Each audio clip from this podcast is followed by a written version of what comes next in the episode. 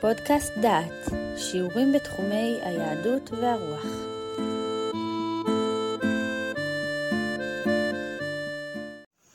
ברוכים הבאים לפודקאסט דעת, לקורס קיצור תולדות החינוך. בחלק זה נעסוק בחינוך ביוון העתיקה.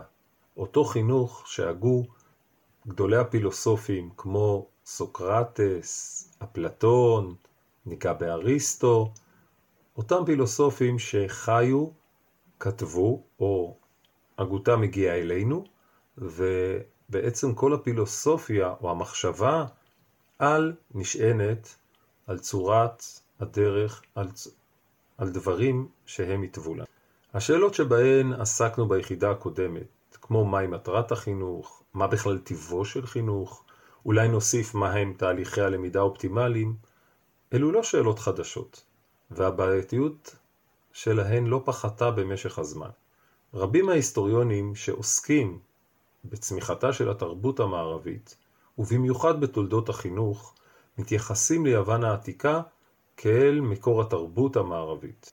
אבל צריך לומר שהחינוך התרחש בכל מקום ובכל זמן, ותהליכים חינוכיים כבר התקיימו משחר ההיסטוריה עוד לפני יוון העתיקה. ובחברות הקדמוניות החינוך נועד לשלוש מטרות עיקריות. המטרה הראשונה היא מטרה מאוד מאוד טכנית ומעשית.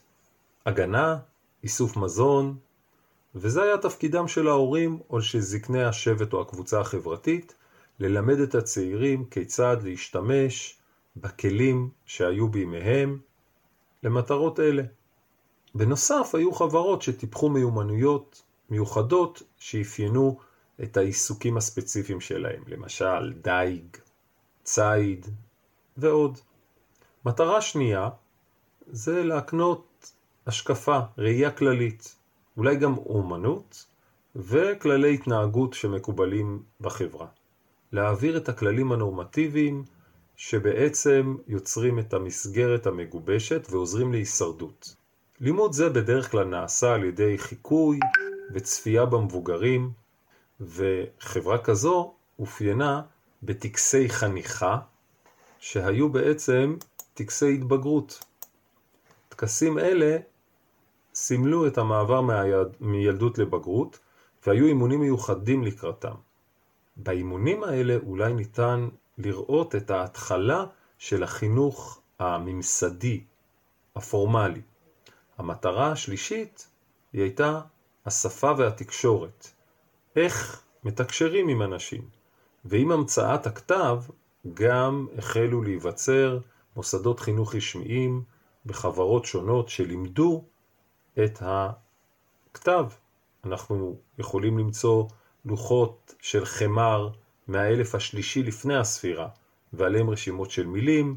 במסופוטמיה אנחנו יכולים למצוא את ציורי המערות שכנראה שימשו איזשהו אמצעי קשר, וכך בעצם אנחנו רואים את ראשיתו של החינוך. עד כמה הוא היה ממסדי, עד כמה הוא היה ציבורי, את זה קשה לנו לדעת. אז נקפוץ קדימה בהיסטוריה, ונראה שביוון העתיקה פותחה לראשונה תיאוריה חינוכית מקיפה, והבעיות העקרוניות שאותם פילוסופים יוונים התמודדו איתן רלוונטיות עד היום. בהתחלה, כלומר עד אה, המאה השמינית לפני הספירה בקירוב, חונכו, רק בני האצולה קיבלו חינוך. הם חונכו להצטיין ולהשיג את התהילה, ואנחנו יכולים לראות באמצעות קריאת השירה ההומרית, כמו האודיסאה, האילדאה, שהם התגבשו כבר במאות השביעית, השמינית לפני הספירה, אנחנו יכולים לראות את התכונות שרצו להאדיר, כמו אומץ, תעוזה, רטוריקה, נאמנות, נדיבות, ומנגד הוצגו גם תכונות שליליות. החינוך הפורמלי ניתן לבני האצילים בלבד, וזאת כדי לגבש כמובן את מעמד האצולה. מהמאה החמישית לפני הספירה מתחילה להתפתח הפוליס, העיר, המדינה, ויחד איתה החברה, האינדיבידואל של האצולה בעצם נדחק אל האידיאל הקולקטיבי, כלומר שירות של החברה, הכלל ונאמנות. הפוליס הייתה בעצם קהילה פוליטית אוטונומית שהתקיימה ביוון העתיקה וסיפקה את הצרכים הקהילתיים של התושבים, הגנה, שיפוט, חקיקה, תרבות, פולחן דתי ולפעמים גם שירותי רווחה וחינוך. כל פוליס כזה כלל אלפים בודדים של אזרחים והם לקחו חלק פעיל בעיצוב דפוסי הפעילות והמחשבה המדינית, חברתית, תרבותית, וכל פוליס עיצב את אופיו הייחודי. לדוגמה, ספרטה, פוליס מאוד מאוד מוכר. ספרטה הייתה פוליס שנשא אופי של מחנה צבאי, וזאת בעקבות המצב המדיני. והחינוך שם היה חינוך צבאי, וכולו הופקד בידי המדינה. הילדים נחשבו כנכס של החברה הצבאית, וערי מדינה אחרות, כדוגמת ספרטה, טיפחו מסגרות ייחודיות להן, והן היו שונות. והתרבות המערבית של היום בעצם יונקת מאותה תרבות שהתפתחה מבחינה היסטורית, לא בספרטה, אלא דווקא באתונה, שממנה יצאו התורות של סוקרטס, אפלטון, אריסטו, וגם היסודות הדמוקרטיים, שהם כבר הונחו בתחילת המאה השישית. אספת, לפני הספירה כמובן. אספת העם, שהייתה מוסד ריבוני, והיא זו שפסקה בעניינים חברתיים ומדיניים. ומי יכול להשתתף באספת העם? כל בן חורין מגיל 20, והחלטות התקבלו בהצבעה על פי רוב. אספת העם הפקידה את חלק מהסמכויות שלה בידי גוף מצומצם שנקרא מועצת המדינה.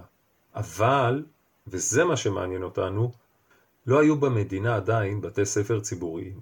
המדינה הותירה את החינוך בידי ההורים, כל מי שרצה ללמד, להורות, והשכנים שלו נתנו בו אמון והיו מוכנים לשלם לו, היה יכול להיות מחנך או מורה.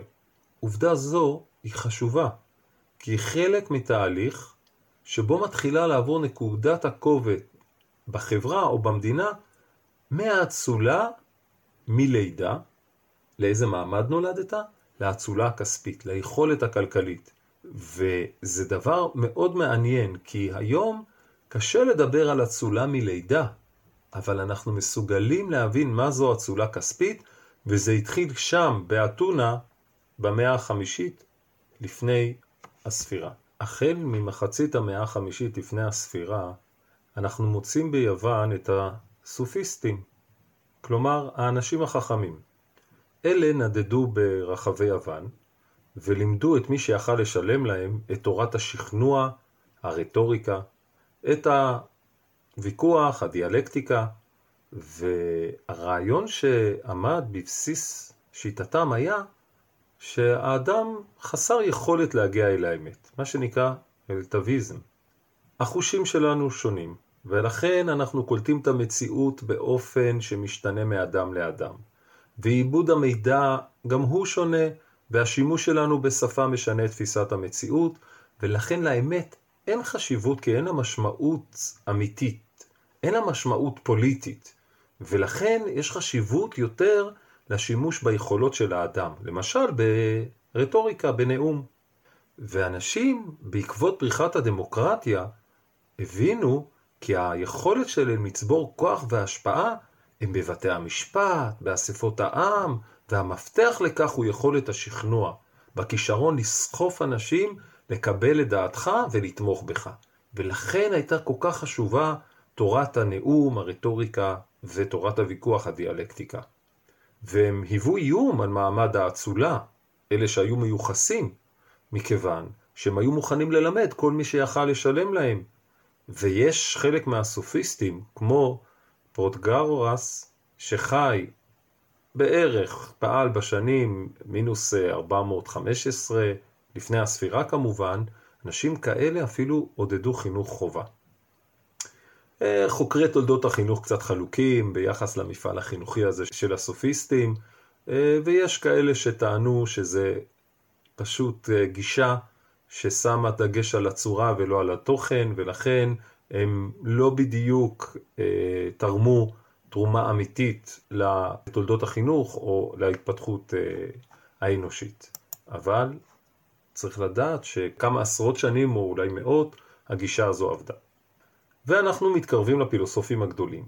וסוקרטס, הראשון שנזכיר, שנפטר בערך בשנת 400 לפני הספירה, הוא היה הוגה מאוד מאוד משמעותי, עד כדי כך שהוא נחשב נקודה ציון, נקודת ציון בפילוסופיה. יש את הפילוסופים שקדמו לו שנקראים הקדם סוקרטיים, ויש את אלה שבאו אחריו. הוא לא הותיר אחריו כתבים. כל מה שאנחנו יודעים עליו זה תיאורים חיצוניים שמופיעים בעיקר ביצירות של תלמידיו, אפלטון, קסנפון, ואנחנו גם יודעים שהוא מוזכר גם בספרות שלנו, כמו בספר הכוזרי, שמזכיר אותו כמדרגה מיוחדת, מדרגת סוקרטס והדומים לו, שזה מדרגה של יחידי סגולה, ככה אומר רבי יהודה הלוי אה, במאמר שלישי בספרו. סוקרטס הקדיש את חייו, את ימיו להוראה, והוא עד כדי כך שהוא לא נתן את דעתו לעניינים הפרטיים שלו, והוא היה עני מרוד, הוא ומשפחתו, הוא התהלך יחף, לבוש קרעים, וכמובן שסוקרטס בהיותו פילוסוף התנגד לגישה שהזכרנו קודם, לגישה הסופיסטית, והוא שאף לגלות את העקרונות האוניברסליים של האמת, היופי, הצד הטוב וכולי. ולמרות ההתנגדות העזה של סוקרטס לרעיונות הסופיסטיים, הוא נחשב בעיני רבים מבני אתונה כסופיסט בעצמו.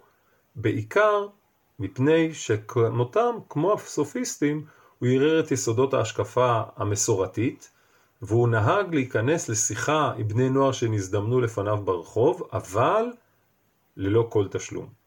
כך במשך הזמן הוא ריכז חוג של תלמידים מעריצים, והדיאלוגים שהוא שוחח עמם ידועים לנו בזכות מה שכתב אפלטון תלמידו. כחכמים רבים בימי קדם, כשהיה בן 70, תבעו אותו לדין על כפירה באלים, על השחתת מידות הנוער, והוא נידון למוות. הוא ויתר על ההזדמנות לברוח מבית הכלא, התעקש על ההשקפות שלו, וטען שאדם שחי במדינה חייב לקבל את חוקיה, גם אם זה לא מתאים לו, ולכן הוא לא ברח, ובסופו של דבר הוא נהרג. אבל מהי תרומתו החינוכית? סוקרטס טען שהאושר, באלף, הוא מגמתו העליונה של האדם, וההשגה שלו מותנית בשלמות המידות. והידיעה וההכרה מובילים לשלמות הזו, והחלק השכלי שבנפש חייב לשלוט ברגש ובתעבוד. הוא לא ירצה אמיתות, הוא ניהל דו-שיח, ובשביל לעורר את החשיבה, אז הוא היה מצביע על הסתירות הלוגיות הפנימיות בדברים, וסייע להגיע למסקנה שאנשים לא מחזיקים בידיעות ברורות.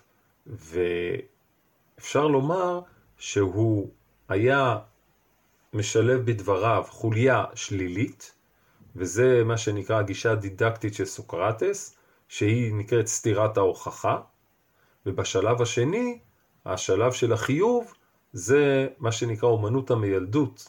סוקרטס טען כי כל אדם נושא בתוכו את ידיעת האמת, אבל היא לא חודרת להכרה, וצריך לסייע לו בעזרת שאלות להעלות אותה. דיברנו בפרק הראשון על ה-education, על להעלות מבפנים, וסוקרטס האמין שעל ידי שאלות ודו שיח אפשר להעלות את האמת החבויה, ולכן הוא דימה את התפקיד של המורה לתפקידה של המיילדת שמסייעת לאישה ללדת, והוא טען שהמורה צריך בעצם לאסוף מידע ועל ידיו להגיע לחקר האמת. סוקרטס נהג לאסוף דוגמאות מוסכמות ולגלות את התכונות המשותפות. והשיטה של סוקרטס, בלי להיכנס לתוכן הדיאלוגים, אז שיטתו פרצה את החופש לחשוב, לחקור, לשאול, ובתהליך ארוך ומורכב של אה, חיפוש אחר האמת. תלמידו, אפשר לומר, תלמידו של אה, סוקרטס, אה, היה כמובן אפלטון. אפלטון שחי ופעל בשנת, בשנות ה-400 לפני הספירה. הוא אולי הפילוסוף היווני המפורסם ביותר, הוא או, או, או אריסטו, והוא כמובן כתב דברים בעיקר בצורה דיאלוגים, אה, כמו שהוא למד ממורו ורבו אה, סוקרטס, והושפע מאוד גם מהאיש וגם אה, מהוצאתו להורג, הוא עזב את אתונה, ואחרי שהוא היה כ-20 שנה מחוץ ליוון, הוא חזר לאתונה וייסד את האקדמיה. הייתה לו קרקע שהוא ירש בפאתי העיר, ובעצם זו האוניברסיטה הראשונה בעולם המערבי, ובה התחנכו אינטלקטואלים רבים, וביניהם, אולי הגדול מכולם, אריסטו. והבסיס הפילוסופי של אפלטון הייתה צורת האידאות, או תורת, תורת הצורות. כלומר, מה אנחנו רואים ומה אנחנו בעצם מבינים. ולדעתו, כל הקניית הידע שלנו זה היזכרות. מה שהנפש הכירה בעולם האידאי, והיא מנסה אה, להיזכר ולהבין. לא ניכנס יותר מדי לשיח האפלטוני, אבל בתורת החינוך, אפלטון הוא זה שראה קשר הדוק בין פוליטיקה לחינוך, והוא הציג את המצב שבו יש קשר ישיר בין השליטים שיעמדו בראש המדינה האידיאלית, שכמובן מוצגת בספרו הפוליטאה, מדינה. המושלים יהיו בוגרי האקדמיה הפילוסופית שאותה יסד, והוא בעצם ניסה פעמיים לייסד מדינה, פעם אחת בסיציליה, והוא נכשל, הוא לא, הוא לא כל כך אה, אה, הצליח, ואפלטון סבר משהו שבעינינו לא יהיה מקובל היום, שישנם שלושה מעמדות, והם מקבילים לחלקי הנפש, יש את השליטים, את השומרים ואת המזינים. כלומר, הפילוסופים השליטים, שהם יתחנכו ויחנכו את השומרים, אלה שיהיו בעתיד אחראים על אומץ הלב, השמירה, הגנת המדינה, ולעומת זאת המזינים, אותם עיקרים, אומנים, סוחרים, כל אלה, הם בכלל לא יקבלו חינוך. ואפלטון בעצם ראה הפרדה, הוא, הוא השווה את זה לכסף, זהב, נחושת, או ב- ב- בלשונו, השליטים עם הזהב, השומרים עם הכסף, ואילו בני המעמד התחתון, אותם מזינים, יהיו נחושת, וצריך לשמור על המעמדות האלה. למרות שהוא נתן איזושהי אפשרות לערבוב ביניהם, אבל צריך לשמור על המעמדות האלה, ומה שמעניין אותנו, שבתהליך החינוכי של אפלטון, אז בני המעמד התחתון לא יקבלו חינוך. שמעתם פרק מתוך הקורס קיצור תולדות החינוך מפי דוקטור אביחי קלרמן. את הקורס השלם תוכלו לשמוע בכניסה לאתר דעת במדור פודקאסט.